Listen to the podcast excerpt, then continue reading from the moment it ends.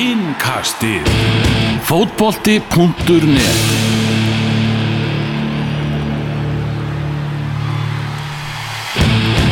Góða kvöldið og velkomum með okkur í Engkastið. Það, við sitjum hérna í, á laugardagsvellinum í fréttamanna aðstöðunni.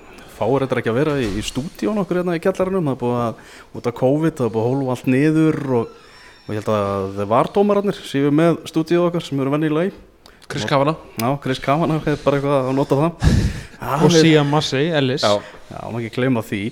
Uh, Það var að klárast hérna uh, landsleikur Íslands og Þýskalands og það er einmitt bara fréttamannafundur hérna í gangi í, fyrir neðan okkur þegar þetta er tekið upp. Við sitjum hérna þrísamann, ég, Elva G. Magnússon og með mér einnig Tómas Þór, Þórðarsson og svo Gunnar Birgisson sem hann var að lýsa þessum leika á, á rúf eins og hinnum leikjónum í þessum landsleikja glugga, getur ekki sagt bara Gunni þunga landsleikja glugga jú, uh, bara einhvern veginn allt við hann uh, Bæði einhvern veginn stemmingin í, í kringum hann og, og, og, og framistaðan í raun og veru heilt yfir uh,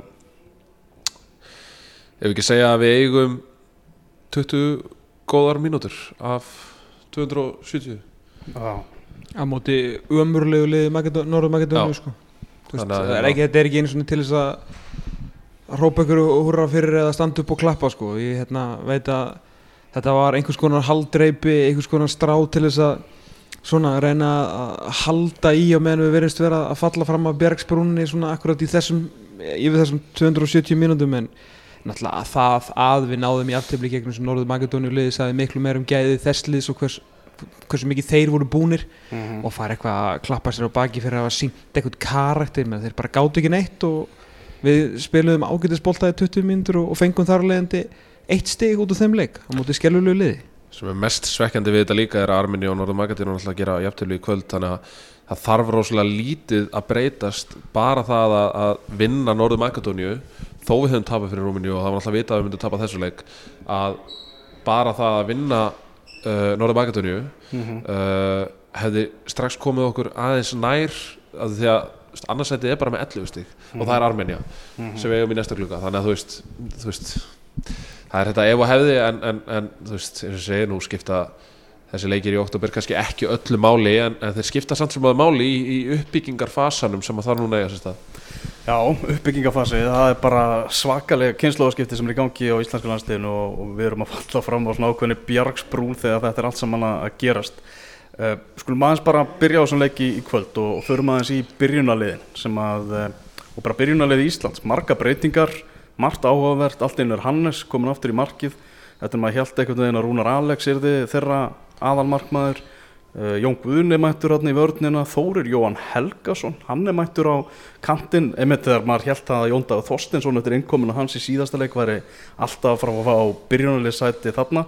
Það er ómögulegt að giska á byrjunarlið Íslands í dag og maður veit ekkert hvernig þjálfvarnir er að fara að stilla þessu upp. Nei, nei, það er náttúrulega líka hluta því að vera með liði í mótinu og veit í hvernig byrjunarliði þetta er og það er ekki eins og þú fáir heila æfingavíku, spila sér næsta leik og svo koma aðra fimmtaðar og, og þannig kolla kollið eins og við erum að tala um félagslega boltan og það er það sem að Jói Berg og kannski aðalega Kári eru búin að vera veist, að benda á og þetta er bara allt annað dæmi. Og þú veist, þú hefur engan tíma til þess að vera mátað eitthvað með lið þú verður bara að vera klár í verkefni þegar þú ert klár. Og það er bara strax. Uh, náttúrulega, þú veist, veist, Þórir hérna, Jóhann fær hérna, hann fær nottið í dag, en ekki Jón Dagur þráttur að Jón Dagur er búin að vera að spila á herra level í lengri tíma og hefur átt aðrar góðar innkomur þannig að það skil ég ekki.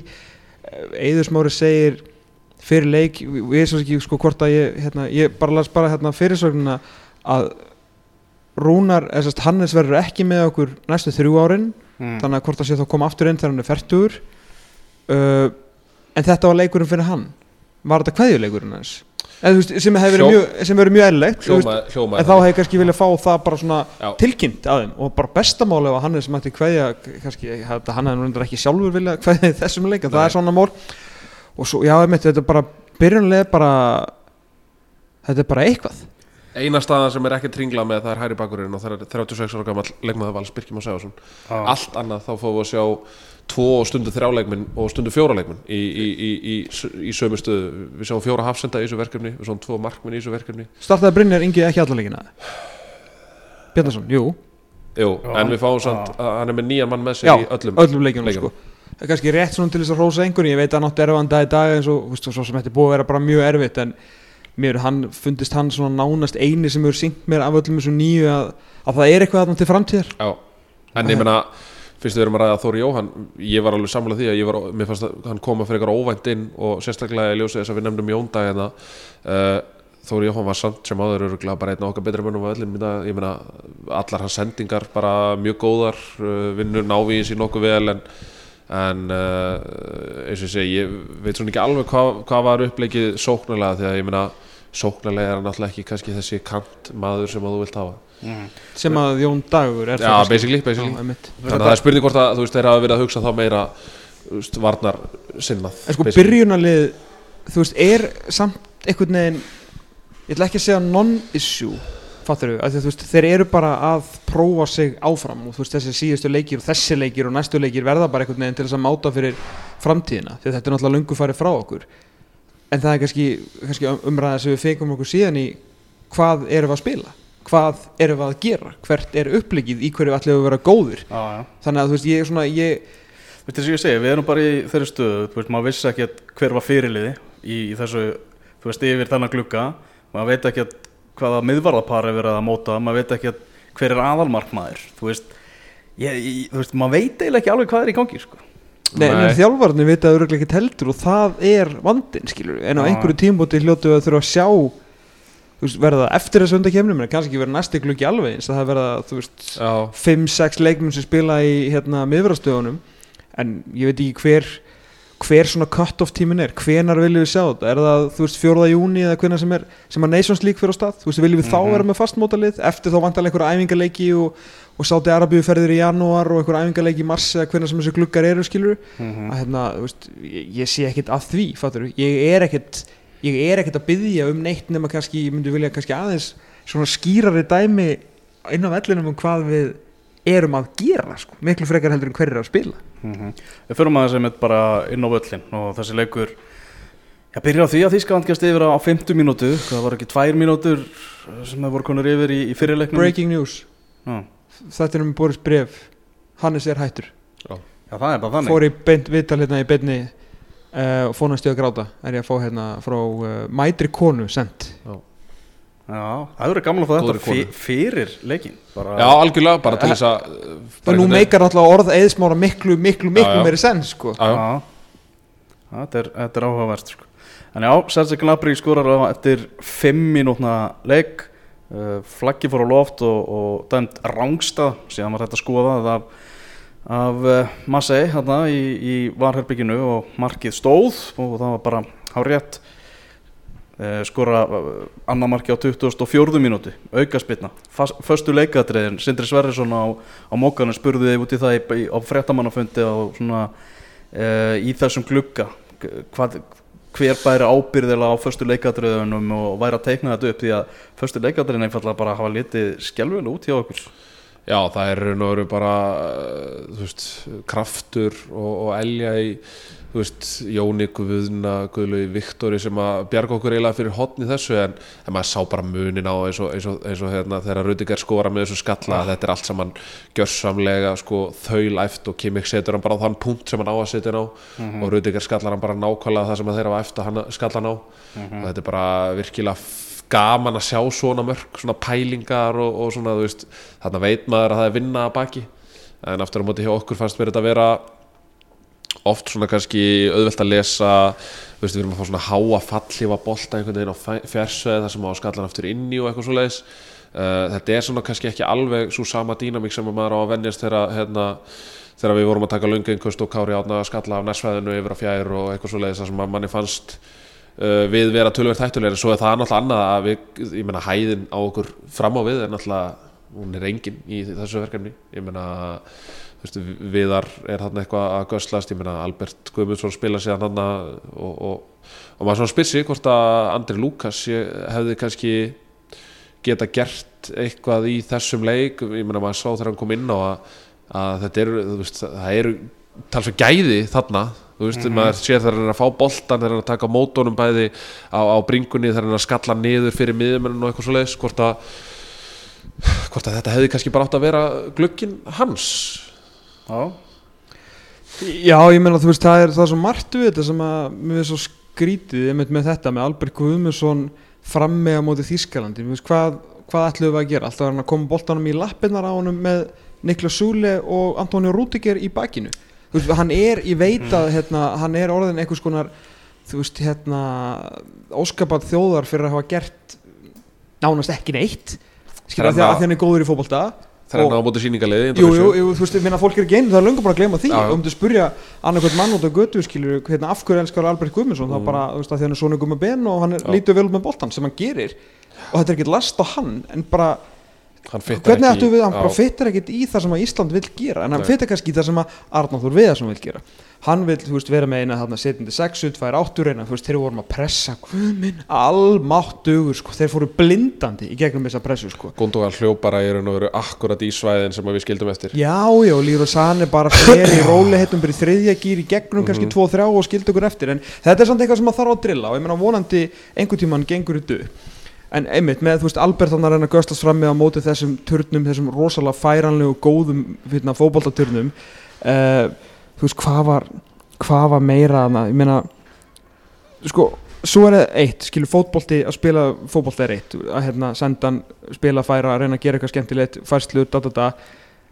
En svo náttúrulega hvað hafa þú veist, Kári var að benda á um daginn? Reyna að segja þessu strákum að sérstaklega landslýs hérna liða fótbolti er bara einbytting, bara einbytting í 9-10 mínútur. Sem ekki með Jói Berg í viðtali fyrir þennan leik þar sem hann var, þú veist, kaftin og hérna segir að þeir séu svona að reyna að kenna þessum ungu strákum hvernig eigi að vinna fótboltaleiki sem Ísland. Ég veit ekki hvort að þessum orðum hans var ég bara beint að Arnæri Þór Viðarsinni sko, af því að ég veit ekki ég, allavega síðan tökum við þetta langa þarna. Eða langa innkast, Birkir dreif nú allir nú tegin þar sem að innkast sérfræðingun okkar er hérna heima í Arabíu. Herru, þeir fá þrýr á móti einum stöðu eftir innkast okkar hinum megin. Mhm. og þá var nú Ara Frey skúla sinni ekki skemmt Nei. og let þjálfaran sinn heyra það Já. sem let hann heyra á móti og við fengum bara rifrildi vinstri bakar og þjálfarar í betni sko. Mhm. því að Ari hefur vantilega aldrei á sínum landsliðsferðli og allavega síðan 2012 þegar Lars Lagerbæk, síðan Heimur og síðan Hamren og ala kannski þessir fyrir tveir, tveir hérna sem ég nefndi þetta er bara aldrei gerst ég meina við bara við mistum bara hökuna í, í borðið í blagamannstúkunni við höfum aldrei séð þetta Mhm. hvenær fáum við þrjá á móti einum skilur eins og þetta lítur út núna er þetta bara veist, þetta er eitthvað, það er ekkert mm -hmm. í fyrstu tveimur verkefnu það bara dansaði kringu sexun okkar þegar voru hún aðeins aftur í dag og fengur svona meiri hjálp og eitthvað svona aðeins betra en þetta þarf að, þetta þarf að lagast þetta þarf að lagast ansið hratt og þeir þurfa að vita miklu betur hvað þetta liða á gerin á vellinum sko. Mhm. Þetta er bara eiginlega orðið svolítið svona gamla Ísland bara Þískaland með gönguferð í garðinum rúla yfir okkur Já. og, og við erum bara í brasi. Við meina, bara staðan í reyðlunum segir það, við erum með fjögur stig í þessu reyðli, við erum bara búin að vinna Líktenstein Já, Líktinstæn er bara andi hálsmálið okkur sko. þannig að hérna, þú veist, eins og ég segi það er svona kannski ekki uh, við erum að reyna og mér finnst við, þú veist fólk getur eiginlega ekki ásakað okkur um það að vera með einhverja óþarfa neikvæðni í Garlands þess að við erum í raun og veru bara að segja það sem eins og hvernig staðan er og erum að reyna að taka það í ákvæð út úr þessu. En því miður eins og staðan er akkurat núna og eins og, eins og Tómas nefnir með, með til dæmis allar þessar breytingar á landsliðinu eins og þú nefnir með að það er erfitt að lesa í hvernig landsliðið á að vera og annars líkt þá er svona kannski ekki við erum ennþá, við erum ekki við, sko, við erum í uppbyggingafasa en við erum samt einhvern veginn ekki alveg byrjaðir í honum. Af því að, af því að ég held að þjálfarinn veit ekki alveg hvort er eigi að fara strax í hann hvort er eigi að reyna svona ísitt inn hvort er eigi að fara drastist í þetta en, svona eftir stendur einhver svona meðalvegur sem að hefur leitt okkur á, á já, slæma staðir mm. Men þú talar um gönguferð í garðinum sko. við náttúrulega bjóðum í gönguferð í garðinum við höfum spilað við rosalega sterkar þjóðir á þessum sex ára glugga okkar þar sem við vorum svakalega góðir lið sem að hefðu alltjent og hafa í gegnum tíðina farið í gönguferð hérna í þessum fara lögadal okkar en í staðin fyrir að skilur að vera bara einhvers konar hérna, sunshine and rainbows fyrir þá að, að að spila einhvern fótbolta við það sem við reyðum ekkert við þá Mhm. breytist við bara í regningu rók sko Mhm. Við vorum bara fyrir þeim að því við vissum hvernig við ætlum að vinna leiki. Við ætlum að vera 28-33% með boltan nýta þau fáu færi sem við fengum með náttúrulega frábæran sendir á þeim tíma. Við ætlum að vera geggjar í förstu leikadröfum við ætlum að vera stoltir, við ætlum að vera duglegir og við ætlum að vera bestir í öllum þáttum leiksin sem að við gáttum verið bestir í. Mhm. núna erum við að reyna að spila einhvern fótbolta sem að mér finnst við ekki ráða við ennþá.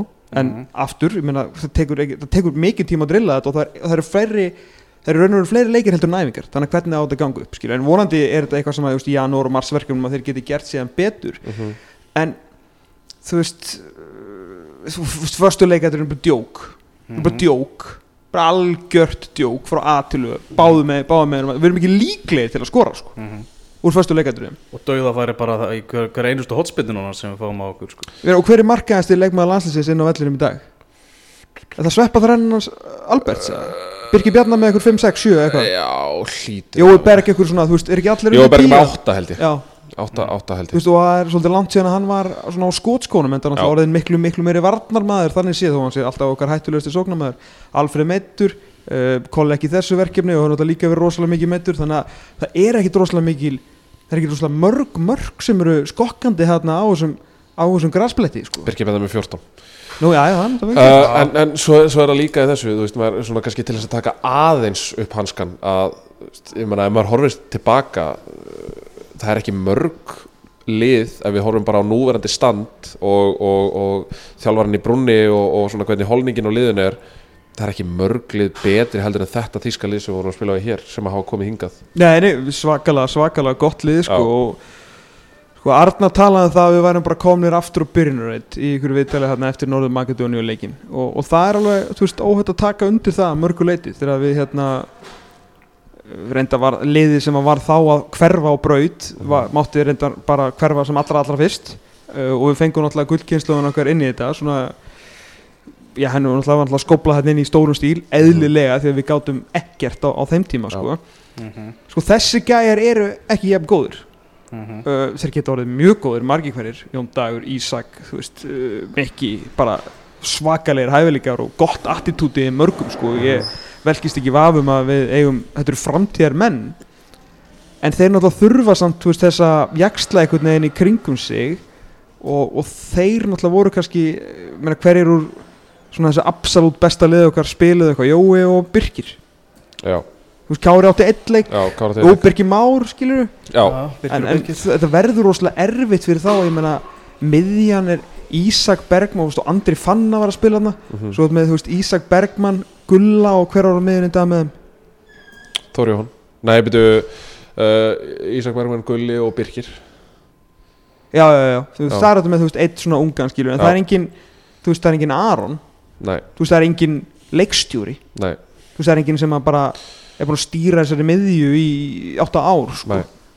Æ, ég veit það ekki, þú veist, þetta verður þetta verður rosalega langt verkefni og getur verið mjög brútal verkefni, Mhm. sko, ef, ef að þetta er fótboltin sem Arnar ætlar að spila, ef hann ætlar ekki að gefa sig með þessa einu sexu Mhm. og hérna, að þá getur það ég meina, ég, þú veist, auðvitað vonum allir að þetta verði frábært og við verðum jafnvel bara betri í fótbolta og verðum ekki jafn svona neikvæðir þó við erum alltaf að elska hana neikvæða bolta. Ég meina, þú veist, það var enginn talað um neikvæðinni þegar við unnum England, sko. Nei, nei, það er alveg rétt en, en, en þú veist, ég er alveg hrifin af þessu að við séum kannski að færa okkur aðeins meira til nútímans og, og það er svona alveg spurning hversu mikið þessi bolti sem við urðum góðir á hversu mikið hann gengur til lengdar. Uh, og eins og, eins og Tómas kom inn á að hérna, þú veist að vera þéttir, góður í fyrstu leikadröðum þetta, veist, jú, þetta skilar þér auðvitað vissu marki en, en veist, þetta er ekki að fara að skila okkur einhverjum, einhverjum heimsmeistara eða europmeistara og ég er ekki að segja að þessi nýju bolti gerir það en það sem þessi nýju bolti gerur okkur hann gerur okkur kleift að vera kannski aðeins meira flexible, hann gerur okkur kleift að, að þóra að halda þessi boltan þóra að stýra leikjum og annað slíkt en uh, það er raun og veru eins og dæmis bara ef við förum í fyrsta leikin í Rúmeníuleiknum að veist, það er raun og veru einstaklingsmistök sem að eru raun og veru hættulegast að færi anstæðingris mér fannst uh, umræðan í kringum þennan Rúmeníuleik hjá, hjá mörgum vera þannig að, að við höfum verið lélegir í þeim leik.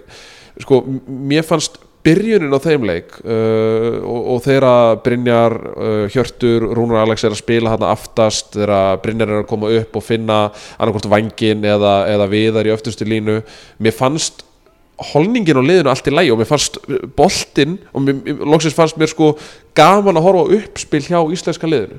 Að, að mér fannst svona þú veist, mér fannst vera pælingar og eitthvað svona svo kemur þetta fyrsta mark og mér fannst við vera algjörlega slegnir utanundir og eftir það eiginlega fannst mér rosalega takmarka gaman að horfa á íslenska liði spila. Uh, við verðum hrættir fyrir svolítið inn í skél þarna vanta bara eins og Tómas kom inn á þarna vanta bara einhvern leiðtó, einhvern lítir sem að kýli menn áfram uh, sem að, þú veist, lætur menn ekki hengja haus. Mér fannst við verða bara í hvert skipti sem við gerum annarkvæmt mistök, fáum okkur mark þá fannst mér verða bara litlir í okkur hrættir En allt þú ert að segja, sko, þú er búin að setja standardin svo æfintilega lágt, sko sem er alltaf ég menna þetta er langt frá að vera besta lið, þú veist, það er ekkit, ekkit rannsús það er, en bara standardin er bara orðið miklu lægri, því Já. að það er ekki nema ár síðan tæft að við unnum rúminu, ég veit að fór 2-1 en við vorum miklu betri í leiknum, skilur við og hérna áttum bara í smá basli með að skora fyrir þannig að Gilvi setti þarna setti þarna 2 og það var bara svona það var alltaf hinn viðfræði gamla bandsleikur. Svona leikum maður aldrei sko ekki í sekundu held maður að vera að tapa þessu leik fyrir utan hann að var eða ekki var mómenti hjá, hjá Ragga sko að hérna ég meina þú veist það var ekki eitthvað veistla fyrir auga en þú verður líka sko það sem ég var að tala um með veist þessi grunngildi sem að hérna við segjum spil eftir sko þau eru alltaf bara grunnurinn. Þú veist, það allt saman förstleikadri, skipulag, ægi þú veist, svona hungurvilli og allt sem er í stefnu, þarna, bæklingunum hjá KSI sko, við þurfum að byrja þar. Veist, það þarf alltaf í lægi allir þeir fasar, það er líka léttast við fótbolta, að bara gera hlut, þú veist, gera grunnhlutina og gera þá vel og vilja, þú veist, gamla góða klísi að vilja þetta aðeins meira en anstæðingurinn, sko. Eða skilur bara vilja að vera þú veist, eins góður og þú getur í hverjum, hverjum leik, sko, það er bara grunnurinn.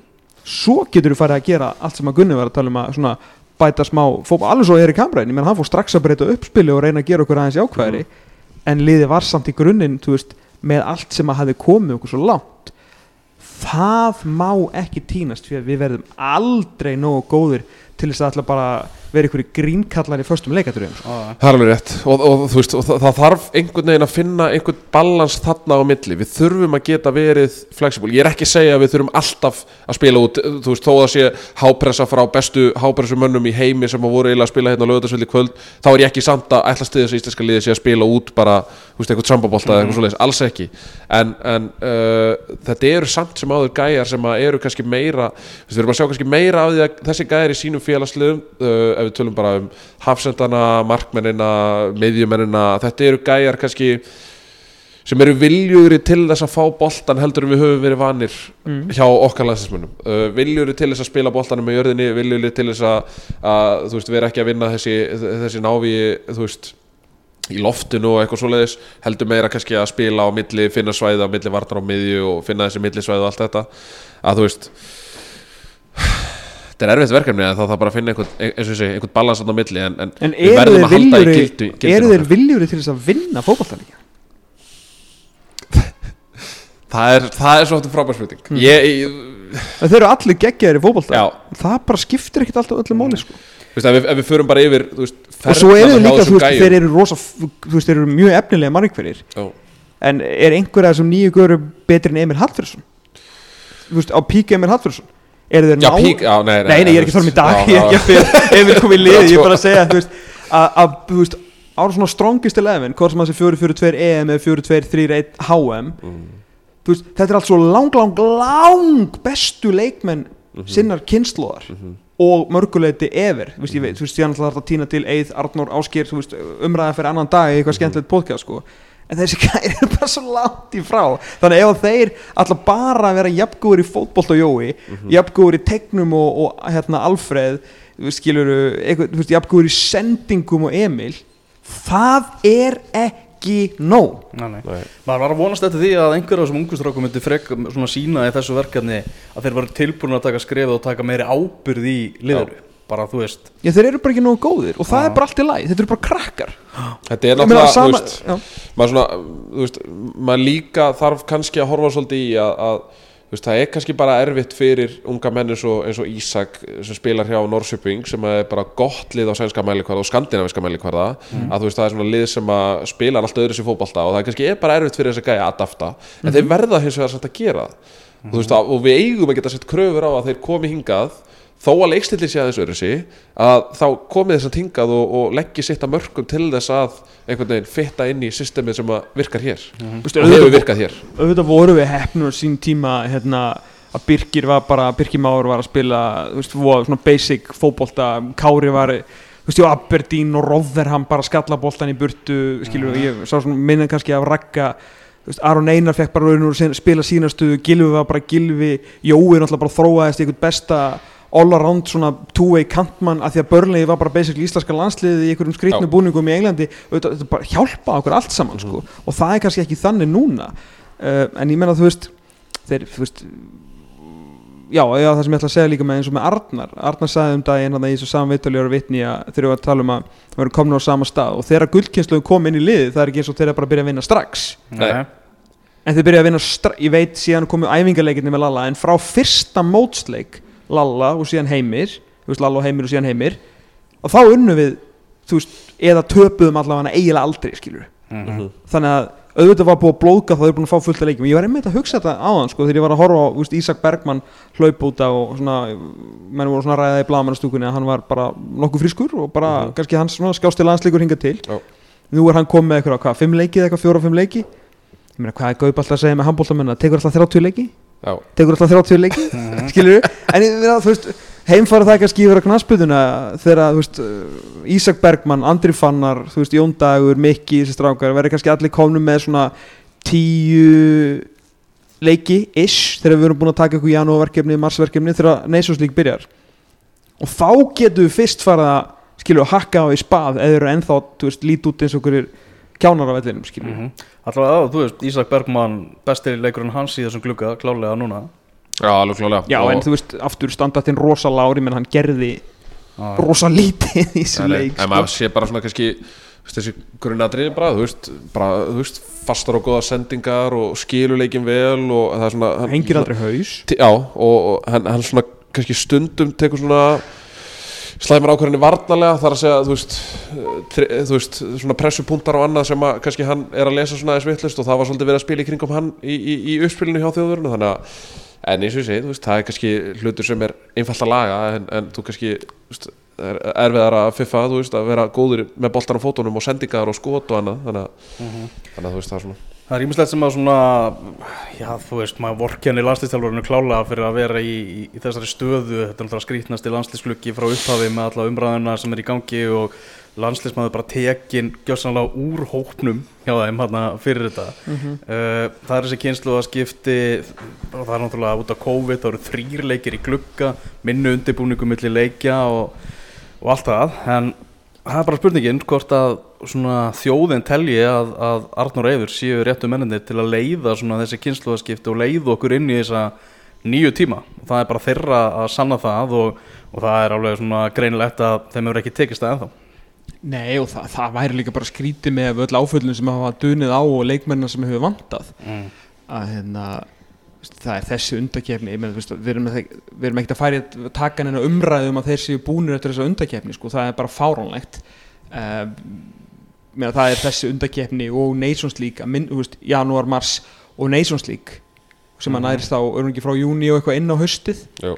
að hérna, já náttúrulega fyrir háum 22 þar sem við verðum náttúrulega bara heim í sófa því miður og hérna förum bara setna á stórmót það er alltaf læg en við, þeir verða aldrei minna en ári í starfi að sjálfsögðu, það verður að gefa mönnum tækifæri til þess að innlega þetta að því í versta falli ef þetta fer allt í skrúuna að þá eru þeir ennþá 14 ára flestir hérna að spila sko, þannig að þetta er allt í góðu Mhm. þá tekur bara næstið maður við en, en það verður að gefa þeim tíma annað verður bara já. en maður er ekki farin að sjá skrefin samt ennþá Nei, hva- hvar er það að taka þessi skref? Það, það, er, veist, það er endurheimt það er æfing já, og síðan bara leikur Mhm. þannig að þú veist, það er, þú veist landslýst þjálfara umhverfi, menn Arna Gullum sem var að tala um bara hringbröð í gæri og landslýst þjálfara umhverfi í dag, þetta er bara martur sko. Hvað þá þurftu að reyna að leiða bara einhverja hallarbyltingu í fótboltamálum sko. mhm. að, hérna, en, en að því sögðu, þú veist, ég skal taka undir samt með þeirra grunnandriðin bara til þess að koma aftur inn á þess að föstu leikadriði sko. ef að þau verða ennþá eitthvað grín þú skilur, þá skal líka eitthvað aðeins fara að hugsa þetta en, en að sjálfsögðu verður að gefa mönnum tíma þeir eru ekki fengið hvað er búin að fá margar æfingar með þetta lið sem tóku við? Já. 12? Nákvæmlega, það er aftur náttúrulega bara landslýsklukki í oktober og annar í november þannig að við erum bara að sjá hvernig svona mikið eftir þér þróunin verður. Það er bara þannig. Það er gleði. Við þurfum að halda í gleðina, það má ekki glema því. Þetta- Já, já, minni á enska um helgina. Eitt af fáa sem var hægt að gleðast yfir í svo leik. Það var Timo Werner og hvað hann var að klúra mikið á dauða, dauða færum. Uh, veist. Þess vegna var svo leiðilegt að hann hafi sér að skora Já. hana í lokin sko. Það er eins og að sé að reyna að sapna upp í einhvern svona mím banka, þú veist, það er alltaf eitthvað, þú veist, það er alltaf, maður sér alltaf eitthvað á Twitter, einhverja sirpu af honum að skópla boltanum yfir á marklínunni, basically, en, en hérna, veit ekki hvað það er, þetta hlýtur að vera orðið sálrænt, Já. Ég trúi ekki öru, Og sko eftir að klúra þarna fyrir opnu marki já, Þá sko voru ennsku miðlarnir búin að pikka þetta upp strax. Já, það er þannig, já. Þetta var komið bara það Já, já, gamli góði ekki? Það- var líka sko, ef þeir hefðu skorað þar Ég hugsa að maður hefði bara haft þögn í útsendingu og bara byrjað að klappa Því að það var geðveik sók sko. Það var geggjuð sók Eins og svo ofbóðslega margar hjá þjóðverðum Þeir klúðuruðu svo mikið á góðum færum Já. og góðum sóknum. Já, Við erum í raun og veru bara leiðilegt að segja stálhefnir að hafa sloppið með 4-0 tap. Sammála því. Það er bara mjög ísili, ég meina Hannes ver hann að hvað í tvígang vel uh, Tvisvar frá Goretzka einu sinni í skalli og, einu sinni skot í nærsvæðið. Uh, og, og svo klúra Kai Havertz þrýra móti einum á móti Ara Frey skúla sinni Já. uh, þar sem að maður hefði séð já, þjóðverðin að klára þetta færi í, í tíu af hverjum tíu. Það verður þá að hafa það níu af hverjum tíu. Mm Erum við gerum aðeins upp þessa þrjáleiki í glugganum og kíkjum aðeins á bara svona nána stöðu fyrir stöðu. Við tökum bara, byrjum á markvistunni Rúnar Alex þarna með tvo fyrstu leikina og síðan var Hannes skyndilega komin þarna í markið Mhm. uh, En já, við vitum náttúrulega núna hvers vegna Já, hverðuleikur Hannesar Hefur hann, ekki, ekki, ekki gefa okkar manni smá mínútur eða? Jú, bara besti við Íslands Ég sé andadón í hálsmáli að þeim. Þannig að ég, er að- ég var að spila með síðasta landsleikin í kvöld. Takk að kella fyrir mig. Var það eitthvað sem þú varst búin að ákveða fyrir einhverju síðan eða, eða er stutt síðan? Nei, ja, svona, ég er alveg búinn að, þetta er búið að vera gerjast í svolítinn tíma og, og, og, og hérna, það, mér svona, ég er mjög sáttur með allt sem að, allt sem að, hérna, við höfum gert, ja, sagt, með hennan, hennan feril og bara sá, sáttur í eigin skinni, uh, það er ekkert eftir og uh, ég er svona í svolítinn tíma, ég meina, ég held að þetta væri komið þarna eftir, eftir Ég hugsaði þetta, sko Nú er Hannes náttúrulega komin í raun og veru með annan feril og, og gengur vel þar að hann er náttúrulega bara orðin og er góður leikstur hefur maður heyrt og, og þessi nýja mynd er að verið skanga vel og okkur veluna hátíðum annars líkt, ég meina Hannes áheld ég þetta tímabil og næsta tímabil eftir af samningi hjá Val. Ég var svona veltaði fyrir mig hvort það myndi bara hætti til þetta tímabil. Já, það er spurning. Ég, þú veist, þetta lættist alveg að mér um Já. daginn ég fór svona að hugsa þetta og þetta svona kannski er svolítið stóðum þú veist, hvort það vilji þá bara hella sér full force í hitt en, en ég ætla svo sem ekki að fullir en neitt. Ég, ég fór bara að velta þessu fyrir mér um daginn. Já, Þetta er náttúrulega búin að vera kingi magnaður ferill hjá þessum uh, stórmerka markverið bara þú veist fyrir þá sem að voru að koma að viðtækjanum og þá menn ég ekki núna heldur bara að hlusta á uh, fótbolta umræði fyrsta sinn. Að þá uh, var Hannes mjög góður krakkamarkurur og svona um tíma trúið í eður eiga þá uh, ég mætti halda því fram að uh, Hannes Þór Haldarsson og Tómas Þór Þórðarsson hafi barist um uh, titilinn hvor var besti krakkamarkurur Íslands svona framan af en uh, hann tók fljótt fram og var náttúrulega fræg sagðan þegar hann var valinn besti markurinn á sjálfmótur 94 þegar leiknir og í er mættust og frábær 84 árganga þar í úslutum og þegar var verið að tilkynna um besta markur mótsins þá var ég komin halvur, halva leið upp á svið eins og Súlandir, þeir myndi alltaf ekki dana í hugun að þeir myndi velja mig en síðan völdu þeir Hannes sko, mm. það var líklega rétt. Að hérna, engir En svo þegar meistarflokksboltin byrjaði þá var, ég, það að segja, þá þá, var þá löng leið upp löngleið upp því að hann átti enga hann á enga hérna úlingalandsleiki uh, er bara einhver hérna bara einhver sultu kröku markur í afturreldingu og þykir ekki svona góður í annara dildinni og öll þessi saga enda náttúrulega með því að uh, fær tækifærið uh, árið 2000 og pff, hvena var þetta sem að var ekki Totti sem að gá hann tækifærið með fram? 2008 eða eitthvað. Já, og þar bara fer 2007 í fram. Já, 2007-2008 þannig að þá fer hann á stað og verður góð með fram, endar í KR er hluti af þessu ótrúlega liði þeirra hann sem að verður mestari og vinnur tvennuna og hann náttúrulega er besti leikmann mótsins sjálfgæð fyrir markverði. Spila sem fyrsta landsleik, einmitt þegar markvaramálum voru í algjöru krísu, Óli. Jókánu tæki fórum út í kýpur fyrir sléttum tíu árum held ég bara upp á dag, vildi allan Hannes meina í viðtölunu heldur hreinu í þeim leik, ég manna því. Og síðan bara upphóst einhver ótrúlegast í landsliðsferill og þá er ég ekki að tala um á Íslandi heldur í, bara í sögunni 77 landsleikir, sá fyrsti hérna eitthvað 2000 og maður ekki 9 eða 10 eða eitthvað. Hversu, hversu margir að þessum 77 þú veist, var að slagur í? Fjórum, það er fjórir? Já. Já. ég held að séu fjórir.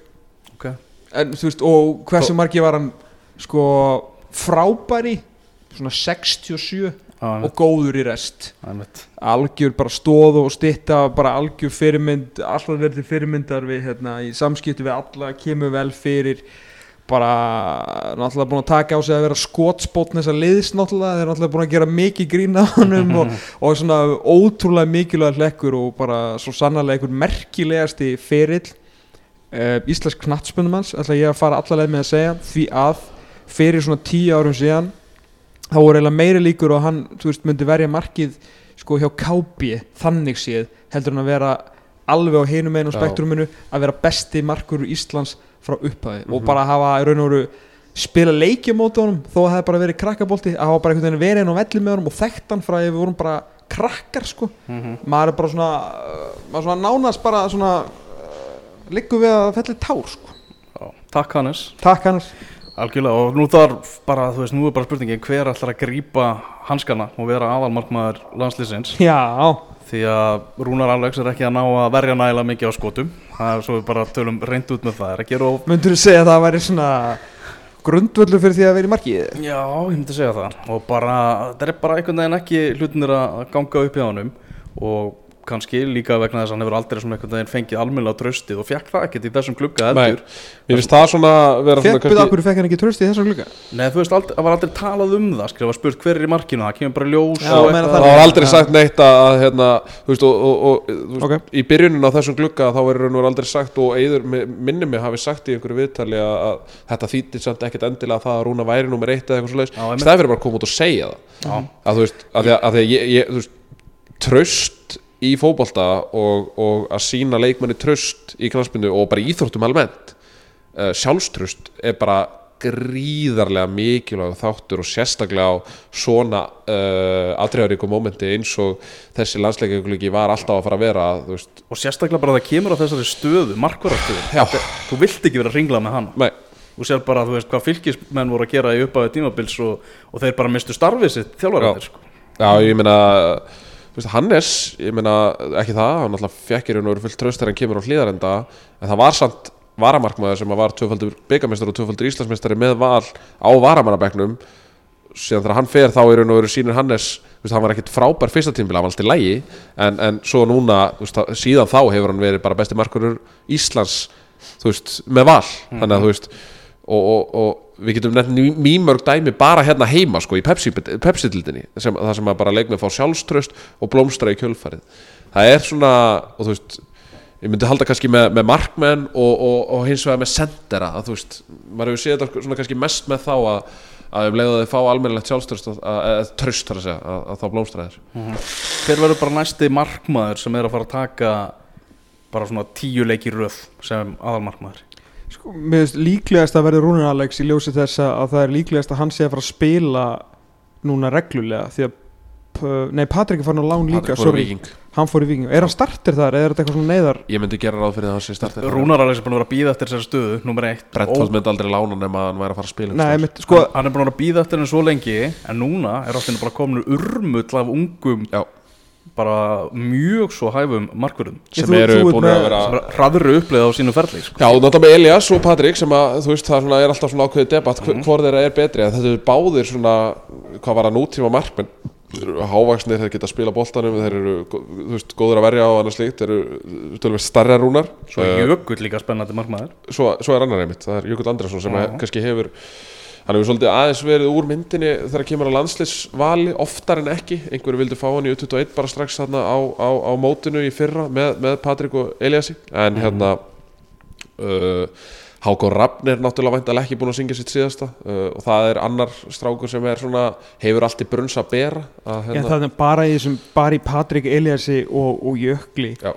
Er það að tala um þú með þrjá menn hann í kringum 190 cm sem eru að hafa verið að spila, ég meina Patrik eins og allir vita fóru upp með tveimiliðum í fyrra en alltaf í frábæri projekti þarna hjá Brentford og nú upp á lánan í, í, í stóran norskan klúb Elias, maður veit ekki alveg hvað verður með hann alltaf við þetta spilaði fyrir mitt sjálfundum daginn og auðvitað munið á endan eitthvað sem snúast um hver verður að spila. Alltaf gott fyrir Rúnar að fara á lán að fara að spila aftur sko þannig að þetta verður svakaleg baróta sko ég held að Rúnar klári þessa undakefna því að hann er að fara að spila. Því ég veit ekki alveg hvað verður um, um hinn og tvo og það munur klálega hjálpa honum ef hann er ekki að fara að gera eitthvað svona mikrút af mistökum þá verður hann held ég þú veist þetta er staðan hans að tapa held ég klárlega núna sko. En pressan á hann og það bara það að Patrik Elias og Jökull munu enginn að kannski spila landsleiki fyrir en eftir ykkur 6-7 ára eða eitthvað. Þú veist ef að Rúna bara tekur stöðuna það er bara svona það er alltaf bæði jákvæmt ef að Rúna verður þá bara góður að þeir komast ekki að en líka grátlegt þetta er ekkit eðlilega flott í gæðir sko það getur ekki fara að spila ykkur aðra stöður okkur vantar alls konar Er það hægri bakverðarstaðar? Það er náttúrulega bara Birki Már, hann er bara hægri bakverður nummer eitt þegar svona margi heldur að, að Arnar Þó Viðarsson var að fara að taka Alfons bara inn í, inn í þessa stöðu. Þá Ég er- skil ekki alveg hvað Alfons þarf að gera Ég meina ekki það, ég er svo, svo sem að margir sem að tjá sig um, um, um hægri bakurastöðuna hafi kannski, ég, ég hugsa mjög fáir hafi séð Alfons spila marga mínútur með bótoglind ég Nei, hugsa að menn verði bara að vera hreinskilin með það. Uh, þannig að hérna menn svona kannski vita ekki alveg hvað þeir hafa í, í Alfons en, en þar eru við með kannski svona meira nýmóðins uh, sóknar bakvörð uh, við erum kannski ekki með þennan þú veist, ekki það, hann er, hann er snöggur og, og, og svona tiltöla fysiskt sterkur en, en þú veist, þeir vita nákvæmlega hvað þeir hafa í Birki og, og vita veintalega nákvæmlega hvað þeir hafa í Alfons en veist En í þessum kynnslóðskiptum bara þarf ekki að, ég menn hann er komin í hundraleiki og það er enginn í heiminum að fara að lasta Birkjum og Sæfa og svona að byggja um að hafa verið tekin á liðinu en af því að þeir eru í þessu transitioni akkurat og það er einhver að tapa, sérstaklega núna Mm. Bara að hafa Birki sem svona mentor fyrir Alfons á Já, bekknum. þú veist, láta Birki spila einn og, og Alfons Já, tvo já. eða eitthvað bara, Mér finnst það rosalega skrítið að Alfons fá ekki sekundu í svo lunga sko. ég, já, það, það, er, það er rosalega skrítið Já. verið að segja Já, sko. hann er einn af hver, voru einhverju fleiri sem að fengu bara ekki sekundu eða? Utan- Eyjóls í miður, það var ekkert náða að þreita hann Já. fyrir lögadaginn ég sá Mikael Egil alltaf er síðan færður yfir í Já. 21 sko, þannig að hann fær þá mínútu þar allavega en, en Hvert sá ég þarna á bekknum? Já, það voru flestir sem fengu allan eitthvað ég, Já, Patrik náttúrulega markmaður. Veist- náttúrulega startar einn leik og Jóndagur kemur inn á sko, hann Já. fengu allir eitthvað ég held að við séum ekki að gleyma hennum en, en ég held að Alfons sé sá eini Það var og þú veist, og við erum að tala um að það er veist, það er svona rétt rúmt halvt ár síðan að Alfons var bara í einu mest spennandi liði bara í Evrópuboltarum, sko, eða þú veist allavega bara langbesta lið sem að Noregur hefur síðið langan, langan, langan tíma og jafnvel bara allra tíma, sko. Ég skilaði bara varst að segja á hann og ég, hérna, þetta Kjartan Henry að vera að tala um þetta líka hjá dótturnum að hérna, allt annað að vera einhverju gerfigræðs norsku liði sem að bara valtar yfir alla og ætla síðan fara að spila hérna einhvern allt annan fótbolta. Þannig ég skil alveg pælingun að hafa Birki sérstaklega til tags sérstaklega í leikir svo ætlar að vinna, við ætlam að vinna Rúmuni og Norru Magadun og koma okkur inn í þetta. Já, en síðan skiluru, herðu, nú þurfum við að fara að hugsa, hugsa til framtíðar í þessari stöðu líka. Mm Makkarlega klárast þetta fréttamannafundur og, og þeir eru mættir hérna hressir og kátir tísku fréttamennir. Förum í, er mikið af þjóðurum minna á, nóa þeim. og sko. áhörundur og bara apparati í kringum þetta, ég hef bara aldrei séð annað eins, sko. Við erum bara búin að hlusta á tísku hérna í allan dag. Já, Uh, Hafsenda stöðnar, Brynjar Ingi Bjarnason, náttúrulega hrósuðum honum á hann, síðan er það bara spurningi, hvað er, hver er maðurinn við hliðina á honum til, til frambúðar? Það er alltaf ótrúlega við sem að tala um hann bara sem fyrsta kost sko, það er alltaf, það er saga út af fyrir sig það risasaga. en vel gert hjá honum, en vel gert hjá honum. Gæði sem að fær takmarkaðar gæði sem að fær takmarkaðar mínútur hjá, hjá Letze, sko. Þannig að hérna, þessi gæði þurfa að vera að tala saman hér Það er alltaf, Eh, að, já, já, það er er alltaf, er alltaf að heyrist eitthvað umhverfislu, það er bara stemming í því, sko. svona lifandi Þeir eru bara að standa þetta og tala viljandi sko. allt til að það sína smá respekt sko. uh, uh, sko með Brynjar að hann í raun og veru kemur svolítið inn í þetta þú veist að uppsætið er það mikið. Já það er lokið ekki eins og já. herðu, uppsætið er það Við erum með mikið. mæka, þetta er alltaf læg. uppsætið er svo mikið hjá honum að það er rosalega þú veist, að hann þarf að gera hansi afdrifarík mistök til þess að hann sé lastaður fyrir eitthvað.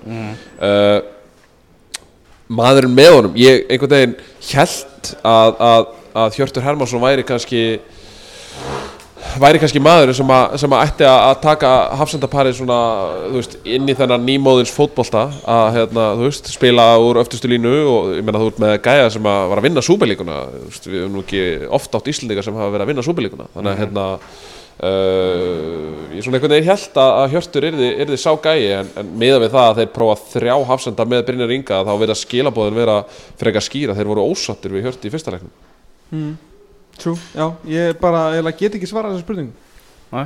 Nei, ég, meina, ég held að geta engin. Ég, ég ætla að vona að þeir geta það sko En það er alveg nokkrir fínir kostir sko. Mér fannst Nei, Jungvinni var svona, hann dalaði rosalega undir lokin En mér finnst hann einhvern veginn eðlegu kostur Bara út af vinstri fætunum, Já, já. út af hæðinni Og hann er að spila flottu leveli og, og er að gera það vel sko, Já, bara solid Fa- sko hvað var Kári gamall þegar hann byrjar uh, þú veist, í raun og veru með þessu, þessu gamla bandi, hvað er að tala um 29, 30 Hann tekur eiginlega svona tvö sessjón, tekur svona langt hlýðið það ekki og... Jú, Er hann ekki, hann startar hann 2012 hann á Norrisleikin Þú veist, kemur hann strax inn í þetta hjá Lala ég, bara, ég var að munna þetta á Hann. Er 82 mótil, þá er hann Þrítur, eða, Þrítugur. þú veist, þegar hann byrjar þetta aftur. Mm. Jónguðni, Ish, 20 Jónguðni 32 ára. Já, það er aldrei, aldrei á sent sko. Nóta. Benis hérna sáu hérna sáu tvíti í dag, ég glemd að rítið þetta ég lækaði það samt bara hérna hjá Hauki Ásberg Hilmasinni fyrir hérna leikmanni KH og, og sem er ver- verða ég- máum minn ég líka. Ég gerði þess að fréttu upp úr því. Gerðu fréttina með hérna 55% landsleika Birgis Más eftir að hann var 30 e, nákvæmlega. Já, já, hérna, já. ef að Óli Jó væri ekki með þú veist, náttúrulega verður maður að passa sko náttúrulega annars, engarittarinn manns á DF náttúrulega að pikka allt upp sko og búa til skrýtna fyrirsagnir en ef að Óli Jó var ekki svo Óli Jó væri þá náttúrulega hefði verið Kári sko löngu búin að taka landsleikja með Rúnars Kristísson sko. Því hann fór náttúrulega bara í frost hjá Óli Jó sko. Hann bara glemdist og ég fletti betni frétt í gæs Kári segir ég skil þetta ekki, ég er besti varnasinnaði miðjumæður Íslands. Það er alltaf vanda mikið upp á sjálfstöðstu hjá hann sko. Að, hérna, en, En en, hann var, hann var, hann var gamall þegar hann fór þú veist, já, já, startaði já, þetta, já. en við hefum svo sannlega ekki urmul hafsenda eins og sést líka bara á undir 21 árs landsliðinu gær þar sem var. Nei, það sem var einn já, Sko- einn náttúrulegu miðvörður í byrjunarliðinu. Já. Það- Við mættum alveg eiga fleiri, fleiri miðvöri Þetta var, voru ekki vandræði hérna einhvern tímann. Nei, nákvæmlega. Þetta var ekki staðan sem við þurftum að máa okkur af. Uh, Ef við færum okkur yfir í vinstri bakkurinn Ari Freyr spilað þar Hörðu Björgum var í stúkunni, mittur En, en þó að Slaka til að sjá hvort að Ari verið valinn aftur eftir þetta röfildi Það var yfir Hildi Varnar Já Heldur þetta sé ekki bara eitthvað sem gleymist utanvallega Já, sjá til. Sjáum til. Erum færum okkur á, á miðsvæðið. Uh, Ég meina Hörður Björgvin er náttúrulega framtíða maður þar eða jafnvel miðvörur. Við- Maður átt að sig alveg á því sko Þegar hann kemur aftur úr meðslunum Mhm. Þá var ég erfið meðslum Já, nákvæmlega.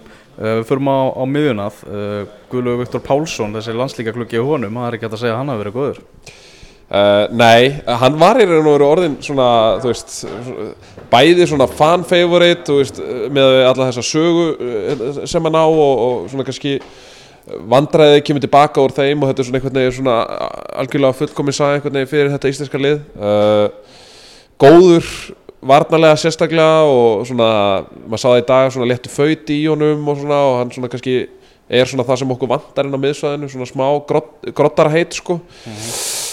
En á móti Rúmeníu er hann, er hann afskaplega slagur og í raun og veru bara hans, hans lílegasti landsleikur í, í bláu treyjunu sko. Uh, Sérstakur í kvöld heldur sko. Nei, en, en, en samt, sko, það var, hann var búinn að hækka ranna hjá sjálfum sér að maður var svona þegar nú er hann bara mættur hérna til að vera bara ekkert akkir í þessu en, en landsliði sko. hann brýst við erum- fram sem hægri bakur sko. Já, já, það er alveg rétt sko. En hann átti samt, var, var hann í hæri bakur Var hann ekki á miðunum út í Englandi Eða var það hæri bakur leikurinn hans Æ, maður ekki En þú veist bara, hann er samt komin á þann stað að hann verður bara að taka gaggrinni Því að við værum ekki að nenna eins og tala um hann og gaggrinna hann. Ef hann hefði ekki eins og Elvar segir hækka rána fyrir, fyrir sjálf sig sko. Við vorum bara búin að taka hann inn sem bara, hann, hann bara startur á miðunni Og við bara krefjumst miklu meira á hann því að hann hefur allt Mhm. Hann gæni að fyrir að spila, spila fyrir sjálfkynni úr fyrir Mhm. Hann er klúpur Svo það er talað um ungu strákana sem voru á miðsvæðan og við viljum svona aðeins að Já, það kemur, Það kemur, sýnir því bara. Hvað er í gangi hérna? Hvað, er eitthvað slagsmála? er það förum í þarna Ísak Bergmann er 2003 Já, og Andri Fannar er 2002 Já. Já, þannig að það er bara áfram og upp hjá þeim maður já Við En vindum það verður samt að setja þess að stráka í stöðu til þess að vinna, fattur við Mhm. Andri Fannar á móti Norður Magadóniu var ekki settur í stöðu til þess að st- skína, fattur við Mhm. hann var bara settur bara í einhverja hakkavel hann átti ekki breyk með tvo menn hlaupandi kringu sig sko. Já, Meina, hann hefði ekki náða, klukka á þá hann verið fættur 92, hvað Mhm. þá 2002 þannig að það verður líka aðeins átt að segja því að þessi ungu menn verða að fara inn í eitthvað system sem að leifir þeim að að skína og það Já. var ekki í þessu klukka sko.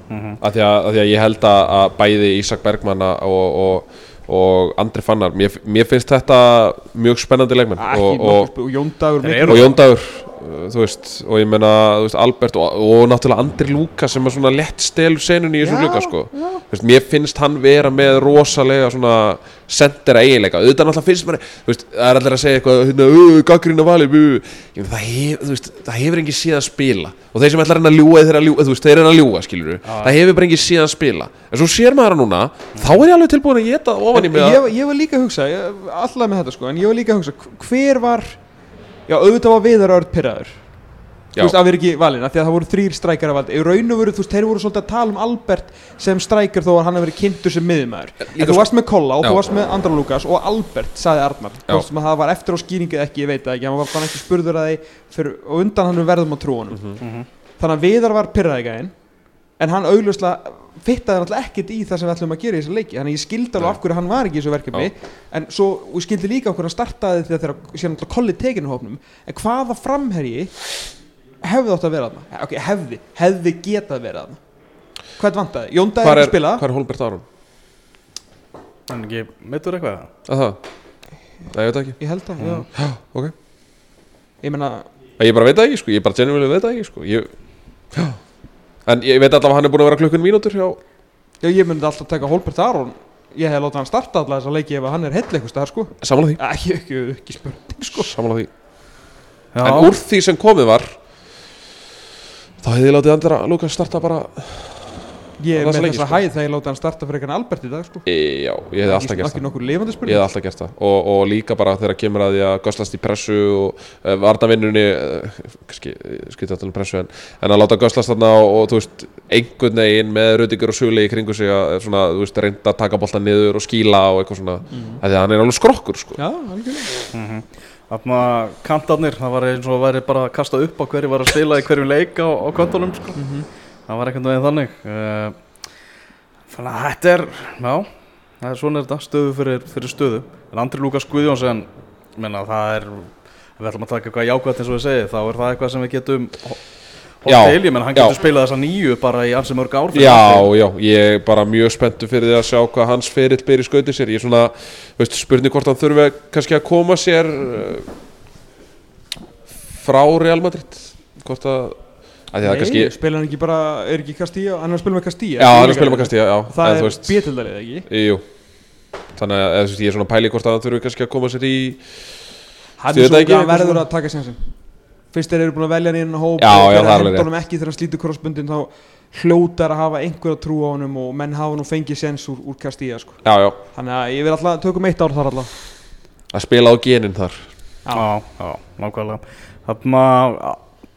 þú veist, ef þið ætti að velja bara mann gluggans í hópnum fyrir utan Andra Lúkas hvernig myndu þið velja?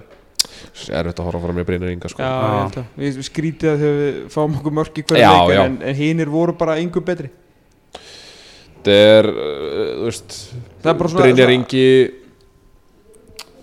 það er bara þessi momentin á milli bara svona, þú veist, hvað hann er fljótur mm. með mikla sprengju fyrir sendingar, skilur, þú veist, og aftur ráin ekki há fyrir þetta fyrir, þegar hann alltaf gefur þetta mark hérna, eða er óheppin, skulum við segja þessi marki en, en það er engin annar sem að ekki einu sinni vekur aðtegli yfir þessa 270 mínútur sko. Þetta var virkilega þungur landsleika gluggi, það er ótt að segja það. Uh, Kastíjalið er í sétildinni það er sétildin, æg Já. já, Ah, þá þarf hann að koma sér eitthvað. Það er ekki gott, að því að ég meina leiðin upp hjá Real er náttúrulega það löng sko. Mjög löng. Já, Mhm. mjög löng, talum ekki með nýja þjálfara og Já. Peris er að fara í stóru innkaup mm næsta sumar sko. kannski erfitt að berjast við Mbappi og Það getur verið. Ég hafði Holland ef hann. Getur verið bara hass. Ef að bankapóki leifir Fyrirleikin var talað um að uh, sex stig og, og þá væri myndi vonin um, um Katar að lifa. Við fengum eitt stig í, í glugganum þannig að nú snýst þessu undakjarni bara um að vera undirbúningstímabil fyrir eh, næstu undakjarni, undakjarni Evropamótsins ég væri til að sjá bara svona tiltölulega full móta nýtt íslensk, íslensk landslið eftir gluggan í, í eða e, jafnvel bara í glugganum í glugganum í júní. november Nóvember. Þú veist, er ekki gluggi oktober og svo gluggi í november Já, bara, alveg bara strax, já. Já, þú veist, allavega vera komið með þú veist, meiri hugmynd að því. Já, já, sammála. Þú veist, hópur sem er þá En ég vil bara þegar ég sest niður að horfa á Nations League í júni Þú veist, þá vil ég ekki vera, þá vil ég vita sko, þá vil ég, veist að uppbytun okkar verði þannig að við bara veitum getum giska á 10 af 11 í byrjunleginu í sig sko. Mhm. Og ég gíska á byrjunliði fyrir leikin í kvöld og ég var með fimm rétta, ég þarf bara að vera hreinskilið með það. Ég þarf bara að vera hreinskilið Fyrir með það Þú veist, maður er bara vanu því. Að maður var bara pyrraður um að var ekki með alla rétt Já. í íslenska landslið mitt en það var líka bara eins og, þú veist, það var bara eins og einhvern veginn, Það var uník það var það. Já, það var það. Við höfum uh, Armeníu og, og heimaleika móti Líktunstein í, í næsta Er bara heimalegi eftir eitthvað Bara eftir? Já, nei, úti á móti Armeníu eða ekki? Jú, Og- og, og, Rúmeníu og, og Rúmeníu. Og við höfum eftir heimaleika móti, móti hérna Liechtenstein og Armeníu. Eh, og erum við ekki búin að nei við ha Varstu ekki að segja þetta? Er ekki heimalegir Armenía Lichtenstein? Jú, heimaleikir Armenia Í október? og, og Líktunstein í oktober Svo við Rúmeníu ah, sí, sí, ég held að við Svo varum hútileiki bara svo ég, við- Rúmeníu- og Norður Makedóníu Þarna í november Já, já, já, hvað getum við hvað getum við nei, við getum eiginlega ekki sett kröfun í stík ah, okay. Ég meina við erum bara Þurfum að sjá bara framfærir Framfarir? og sjá, já, og sjá það framfærir og gleði um allt Umfram gleði. Það er maður haldið jákvæðunina Það er bara þannig. Það maður að sjá það að, að svona liðið séu réttri átt og, og að kynsluðaskiptin séu að, að svona eiga sér stað á, á góðan hátt. En þetta verður erfitt. Svo er aldrei að vita en við fáum einhverja slækjur inn. Já, það er aldrei að vita. Undir 21 árs landslið okkar Það var uh, að uh, spila í gær Mátti Gríkjum, gerði eitt eitt játefli uh, Er það þar með að byrja þennan nýja undarriðil með fjögur stig. Hvernig fannst þessi leikur á móti Gríkjum? Mér finnst það fín. Hérna, Það var Það var nokkuð augljóst Fannst mér að hérna, Grekkinni komu okkur svolítið á óvart með, hérna, með svona planu þannig að við lendum einhvern veginn í svona svolítið í skotgröðunum og, svona svolítið lágur og höfum að hlaupa svolítið mikið í byrjun. Þannig að vorum í bara í 5-3-2 og bara svona nokkuð spennandi lið fórum bara ágætlega í gegnum það var svona þess að típisku 20 mátti ekki að fá þessi markaðan fyrstu 20 og menna vonum, eða, þetta var svona grínlaust þessi klísja bara átti við því að menn voru svona svolítið átt að sjá hvað hérna greikinni voru að gera og svo bara færðu okkur alltaf meira og meira inn í leikin og hérna Mástu fara vel upp vinstra megin, Mikael Ellert Mikael Egil Ellertsson svakalegan hraða og það er svona upp úr hraðanum hans sem að þetta mark verður til, þetta er náttúrulega sprelli mark en, en ég meina, Kolbett Þórðarsson hefði aldrei fengið þetta skot ef að hefði ekki hlaupið hraðar en blettatígur hérna og náði boltan og sjálfsögðu stóðsning frá alltaf að barka sinni, það kannski kom ekkert á orð uh, og bara ótrúlega slægt að fá á sig þetta markaðna undir lók fyrirálisins bara hróttalega illa gert. Og þessi stráka verða bara að taka það á sig. Birgir Heimisson og Valgir Lundar að leifa honum að lappa hann bara í gegnum sig. Því að fyrir utan það hérna gerðu, jú náttúrulega skölluðarnir slá og niður en annars fannst mér bara hafa fín tökku á þessu þessi leikur átt að fara 1-0 og bara þetta mjög þetta hérna og bara rosalega svekkjandi að sjá strákana gera jafntefliðana og þegar setni hálfleikur bara svona fjaraði eiginlega út í ekki neitt. Við áttum nokkra fína skyndisóknir. Frekar leiðilegu setna frekar, en sem er alltaf lægi ef við höfum verið 1-0 lifir sko. þá hefði maður að vera eins leiðilegt og hægt var en, en bara, Fá að setja mark líka bara í uppbóta tíma fyrir hálfleiks.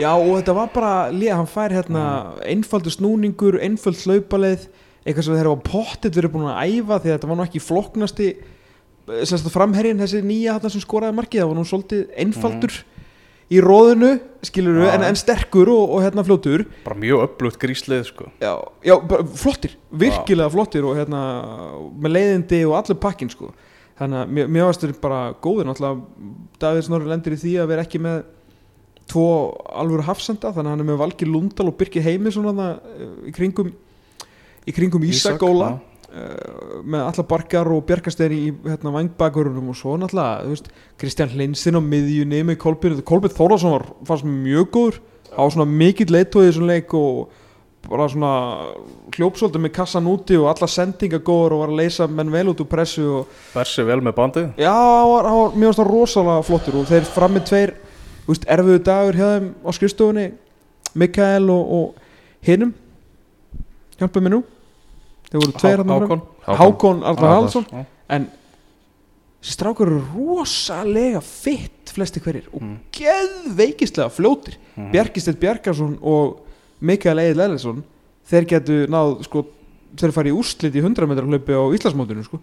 þeir eru ekkert Já. eðlilega fljótir sko. Já, Og svo líka bara uh, Kristján Hlinsson í byrjunarlegun í báðum leikunum 2004 mótel sem er Já. hjá Ajax sko. það var því miður fekk hann í mjög svona frekar lokuðum leik fekk hann ekki láta ljósitt skína nei en þetta er bara svo, þú veist, þú sér bara þegar það fær bolt og bara, já, ok En til dæmis eins og með hann, ég meina, hann er 2004 mótel, hefur verið að fá tækifæri með aðaliði Ajax Þú veist, er ekki alveg eins pláss bara fyrir hann þá í næsta glugga? Ég meina, við sjáum Florian Wirtz koma inn á, leikmaður bæinn Leifik og svona hann er 2003 mótel Ég held að þróun í honum sé bara langbest þarna sem stendur sko, að vera bara ég held þessu fín bara í starta útlandinu. alla leiki þessar undakefni Já, það við erum ekkert að drífa okkur með nei, hann ekkert að drífa okkur með hann sko. Já, þetta er mörguleiti mjög svo spennandi lið sko. Já, en líka bara hvernig þeir spila því að þú veist, uh, hérna, við erum auðvitað allir hérna, held ég, veist, á, á svona Davís Norra vagninum, sko, bara á þessi ungu þjálfar allir með, hérna, veist, ég veit þetta fór náttúrulega þetta náttúrulega bara var eins og að var á EM, ég menn eftir tvær æfingar að fara á, fara á stormót, skilur en og, og með formúlu annars þjálfara í já, já, en, en og, bara þú veist, ef við förum aðeins tilbaka bara með 17 og 19 það sem hann og Totti voru að gera og, og nú bara nokkuð vel. Mm, og hérna, En þeir spila 5-3-2 verðist vera líkt og yfir 19 já, já, maður svona efast um að það sé þekki Davís Nóra takmarka en ég, ég efast um að það sé hugmyndafræði Davís Nóra uh, þannig að maður velti fyrir sig hvort að þú veist, ég meni núna er aðal landslistjálfarinn okkar líka yfir maður kransmyndumóla þannig að maður velti fyrir sig hvort að það sé verið að reyna að finna einhvern rauðan þráð niður og hvort að það sé þá rauði þráðurinn að við séum að fara að spila 5-3-2 sem að við vorum að tala um í ákveðan og neikvæðan fótbolta áðan þetta bara, það er, hefur aldrei verið neitt rauðið þráður Nei, en það var nefnilega bara að mýta sko. Því Já. að uh, Egilur Sverrisson spilaði bara fjóru, fjóru, kópiraði bara Já, lalla því að það gekk vel. Og, hérna, og þeir bara Óli Skúla og, og Dagisnóri eru bara að spila á kerfi sem að hendar hópnum. Því að við erum ekki með nógu sterka miðveri í undirstuðu veist, skilur svona einhverja super miðveri þannig? Og við erum hérna með menn sem eru fljótur og góður sem vangbæður hann er bara 5-3-2 hendar Alla, ég er ekki búin að segja 19 leiðans Óla sko, Nei. ég komur óvart í að heyra að það var líki 5-3-2, ég held að þetta sé miklu meiri tilviljun heldur en eitthvað já, annað sko, já, ég var ekki- Já, Já, ég, ég var líka ég, bælið sko. ég held að hugmyndinu að Davíð sé einfallega bara að koma sem flestum af efnilegustu leikmörnum inn í byrjunarlið Já. og það er Þessi aðalega bara að spila eitthvað sko að bara vera flexible, geta spila, ég held að þeir sé ekki að fara að spila 5-3-2 í öllum leikjum sko, klálega ekki uh, en bara geta spila fleiri kerfi þannig að strákunni verði betri í fótbolta. Þetta er ekki sko úrslita með það er ekki verið að setja 5 í vörð til þess að pakki vörðn og vinna leikin, en það voru við offensífir þegar við fengum tækifæri til. En þetta er bara oft í, eins og í, í svona nútíma fótbolta þegar þú þetta er bara eins og með Chelsea. Ég voru ekki, Thomas Tuchel voru ekki lengi að fara í þryggjamanna hafsandakerfi Mhm, þegar hann er með skilur, hann er með þrjá mjög góða en það er Byrja þessa undakefni á fjórum stigum sem er bara skrampi fínt og fara með hann náttúrulega í fyrsta leik til Hvítarúslands og sækja þrjú stig. Já, jafntefli heima var minna svekkjandi að við náðum í þrjú sko. Úr- þessi flott fyrklöki Sko Portugal er í þessu riðli og þeir unnu 1-0 á móti Hvítarúslandi úr vítaspilnu sem, svolítið sem, heima að- úti? sem að segja, ég veit ekki hvort það var. Ok. Það segir manni svolítið hvernig þessi riðil mun verða. Þetta, Þetta verður bara eins og síðast er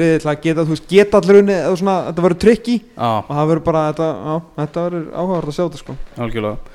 Heyrðu, en nú þegar að landsleikaklukkin er búinn þá þurfum við náttúrulega að trekja Pepsi Max-tildina í gang því að það eru þrjár umferðir eftir. Já, og svakalegar umferðir vægarsagt, við erum að fara að sigla inn í titilbaráttu. Við erum að tala um að strax á laugadaginn þá eru fimm leikir og, og eitt leikur á, á sunnudagskvöldið. Við erum að breyðablík valur er klukkan átta á lögadagskvöldið bara láta ykkur vita því kæður hlustendur. Nú þurfum við bara að fræmbit okkur að, að, að Pepsi Max-deildinni og Gunni Giskar ætlar að, fara yfir 20. umferðina. Hvað er, hvað er hæsta mögulega sekt sem að félag getur fengið? Á, nú nefn ég breyðablík á. Uh, fyrsta leikurinn er þar. Eða myndu bara opna allt og bara, þú veist, gefa skít í allar sóttvarnar hvað, hvað er þessi hæsta mögulega sektir sem þeir getur fengið Það er ekki svo mikið. nei, ég var svona pæli hvort það væri ég er svona pæli í því sko, hvort að miðasala myndi kofera það sko. Þið ekki bara heilbriðið starfsmenn gera bara eins og í bara stopp leikin Nei, þú veist, mann finnst svo grátlegt grátlegt að þú veist Þetta er, einhvern þetta veginn- er þrjúðus mann leikur. Já. Nei, ég reynda valsandi nenni ekki að mæta. Þetta er 2600 en þú veist, þetta, manna leikur þetta er líklega verið veist, pallar fyrir aftan annarkvort markið eða eitthvað svoleiðis. Já, ég aðeinslu orðferði já, Já, klætt Þú veist, auðvitað þetta skvöld klukkan 8 Já. upp á alla marmárklunar já, Jesus Christ, Vá, maður, geðveikur leikur sko. Þú veist, bara til að rifja þetta upp, þá er Breiðablík með 41 stig Víkingur er með 39 og Valur er með 36 þannig að það þarf alltaf að ganga upp hjá valsmönnum á, í lokin.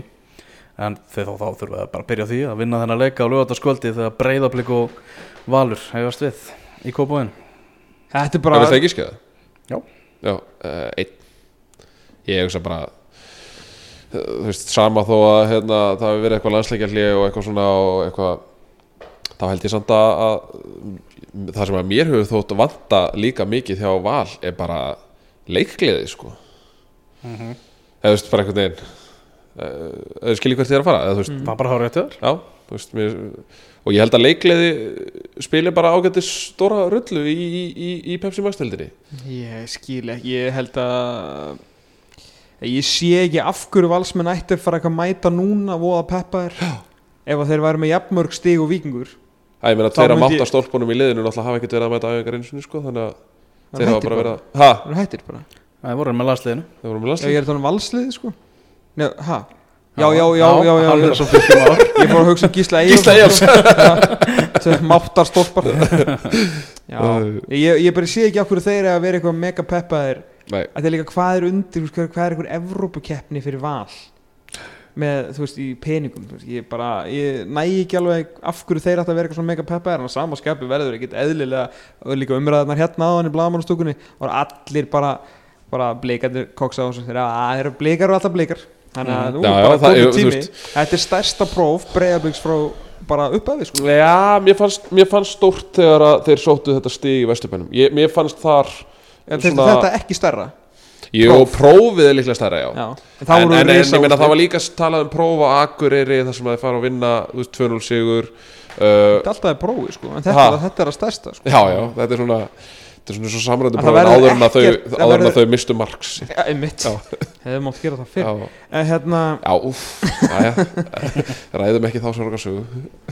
Þetta verður svakalegu leikur sko. En ég held að þeir eru vantilega svo ógeðsla starfni að vera ekki alltaf bara oh, breyðablið gett að genn því lík þetta er svo stór leikur fyrir breyðablið sko. Já en, veist, en eins og staðan er núna að þá líður manni einhvern veginn eins og sama hvaða lið mætir á Kópavóðsöll að þá eru þeir bara að fara valdi við þá sko. Þú Ég, veist, ég, ég er að sjá svona 3-4-0 sko. Það er svona það sem maður er að horfa í Under sko. the lights, bara ég þetta er pakki eins Já, það er ekkert lið sem getur hlaupið með blikunum í 90 mínútur heldur sko.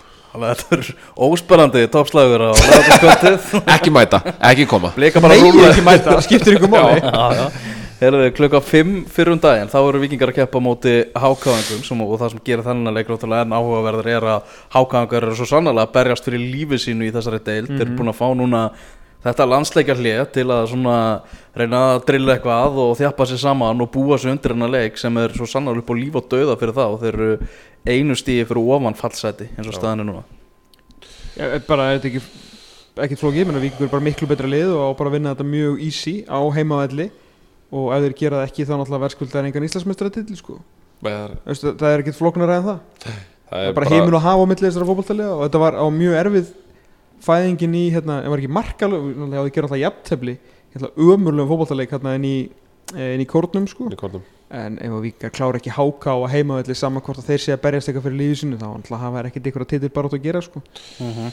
Kári Átnarsson kemur úr landslýsverkefni það voru spennandi að sjá hvernig hann kemur úr því. Já, það verður mjög spennandi uh, Hann 100% á Víking Sigur klárt. Uh, uh, ég er að vona að Sölvi starti fram í núna. Já, Já, bara gera eitthvað nýtt, já, kantinu með eitthvað. Já. Uh, Arna Gunnlaugs til alls líklur. Já, en já, jú, það, þú veist, vikingar eiga alveg klálega á heimavelli að vinna HK, það er bara alveg klárt mála að ef liðið ætla sér að vera í baratunum Íslandsmyndstöðu þá þurfa þeir að vinna uh, þessi neðstu lið á er þá- klárt. hvað þá bara, þú veist, að því að náttúrulega mér finnst titlinni svona semi farin til Breiðbyggs bara út á rönnu sér á. Þeir eru bara svo ógeðslega góði og hérna ég veitir það svona smá trikki leiki með veit, mjög trikki og svo FO líka sko sem var náttúrulega flottir á mútið Wax þannig að hérna uh, en þú veist, að eiga svona tímbil fyrir viking að fara að rjúa 40 stegar múrin líklega, vonandi, í fyrsta sinn Já. og ná ekki Evrópu, það er því brútal sko. Já, brútalt Næsti leikur, hann getur ekki verið spennandi fyrst að við erum búin að taka toppliðin 2 út. Já við Þrjú, byrj- við ákváðum toppliðin þrjú. ákváðum að byrja því þannig að nú skulum við bara kíkja á, á aðra leiki. Já. Káa mætir fylki. Já, það er einn. Það er að Rúna Páll mun ekki ná að fara norður og, og gera eitthvað? Nei, Nei, Rúna Páll mættur þarna í, í alvöru verkefni. Þetta er, þetta er brekka. Já. Ráðin í þrjá leiki. Já. já, ég skil bara vel að hann sem ekki lengur bara aðeins að máta stöðuna og já, ég held að hann heldur hann taki þetta samt ekki þetta er ekki fyrir norðan? Nei, nei, hín er ekki sens hérna, Jobbið, saman Takk, hvernig það jobbið. er já, ég meina þú veist ef að þeir Jú, ég meina svo sem jú, ef að hann meina- smellur þarna við Já, og, og þú veist og þú veist, það er svo sem eins og við höfum rætt áður að þetta fylgislið er svona uppbyggingin á því þar að segja aldurslega og svona annað séð að þá er alveg hægt að gera eitthvað með þetta lið myndi ég halda sko í fyrstöldinni Klálega. Heyrðu, Þetta í- sé að fara að falla? Já, Þetta er svakalegt program hjá það maður. Já. Það er náttúrulega af því, þeir í- af því að þeir þeir í töpuðu niður markatölu Þeir fjallu Já, fallseti þeir, já, þeir eru í fallseti og eru, með, uh, eru töpuðu niður markatölunni sko. eiga skagan séðan í verð En meðan keflaði Káer á, í, í keflaði Já, já, það hefur greinilega verið gaman á blaðamannafundum við Stöðnismennir Arnar eru og þá klárir Klárir í baráttuna Friðrik er að labba út Hvað segir hvað er næsta leikur? Keflaði Káer HS Orku vellinum K.R. náttúrulega bara eiginlega bergaði sísoninu með að vinna leikni þarna á 11. stundu þannig að ég held að K.R. Sko keflaði ekki keflaði er alltaf keflaði ekki en ég held að K.R. vinni þetta Keflaði Keflaði er alltaf Keflaði. Það má aldrei gleyma því Það er eitt af mínum uppáhaldsfrasi í íslenskum íþróttum En það eins og það er er Svo er það IA leiknir uh, X X. Spurning hvort það var til að sjá mína menn vinna svo einn útisur. Prófa það, hann væri, væri skemmtilegt. Já, ég held bara í að sé einhvern veginn ég hljóta að vera í algjöru svona survival mode einhvern veginn og reyna að hleypa einhverju, einhverju lífi í eitthvað en held nú að þeir fari niður en, en þeir fá X. Já, heyrðu þessi leikir allir sem við erum búin að giska á núna, þeir vera allir á, á laugadaginn, þrýr klukkan 2, Víkingur Háká er 5 og Breiðblik Valur er 8, svo á sunnundaskvöldi þá er að stjarnan FH á Samsung vellin í Garðabæ. Þetta var eins og niður áhugaverður leikur. Mm. Já, Svona í gamla daga. Svona undir lok, undir lok tímubils en, en þetta er bara eitthvað Þeir eru bara æfingaleikur í dag. þetta er bara eitthvað 1, 1, X einhvern veginn. Já, Ég held að FO rústið Hvað það? Já. Ég verð því miður upptökinn á Söðukurki að lýsa tindastól kemlaðik í, í, í Vís byggarkefni Karla í Körfald það er það það um hann að hótelbygg hann að vís byggar inn Viltu það? Hefur ekki séð það? Nei Logo eða þú veist alltaf þessi séð Já, er, er skiptingin Já, já æj, æj þetta er svo holiday inn Já, Það er æj, vís æj. byggar inn Já, Endilega báum bók í herbergi Nákvæmlega. Þeir eru strákar, við þurfum að fara að koma hérna skúringa fólki að horfa illu augu, auga á okkur. ég hat okkur Já. Ég hata okkur. Hvað var þetta langt? Hvað er lengi kannstu talað um leik sem við töpum 4-0? Já, við vorum ekki bara að fara yfir hann. Nei, Við vorum að fara yfir allt sviðið. Það er góða búndur Já, en segjum þetta gott, takk fyrir að hlusta, minnum út á lögadaginn, verðið sæl. Minna töð mér stuð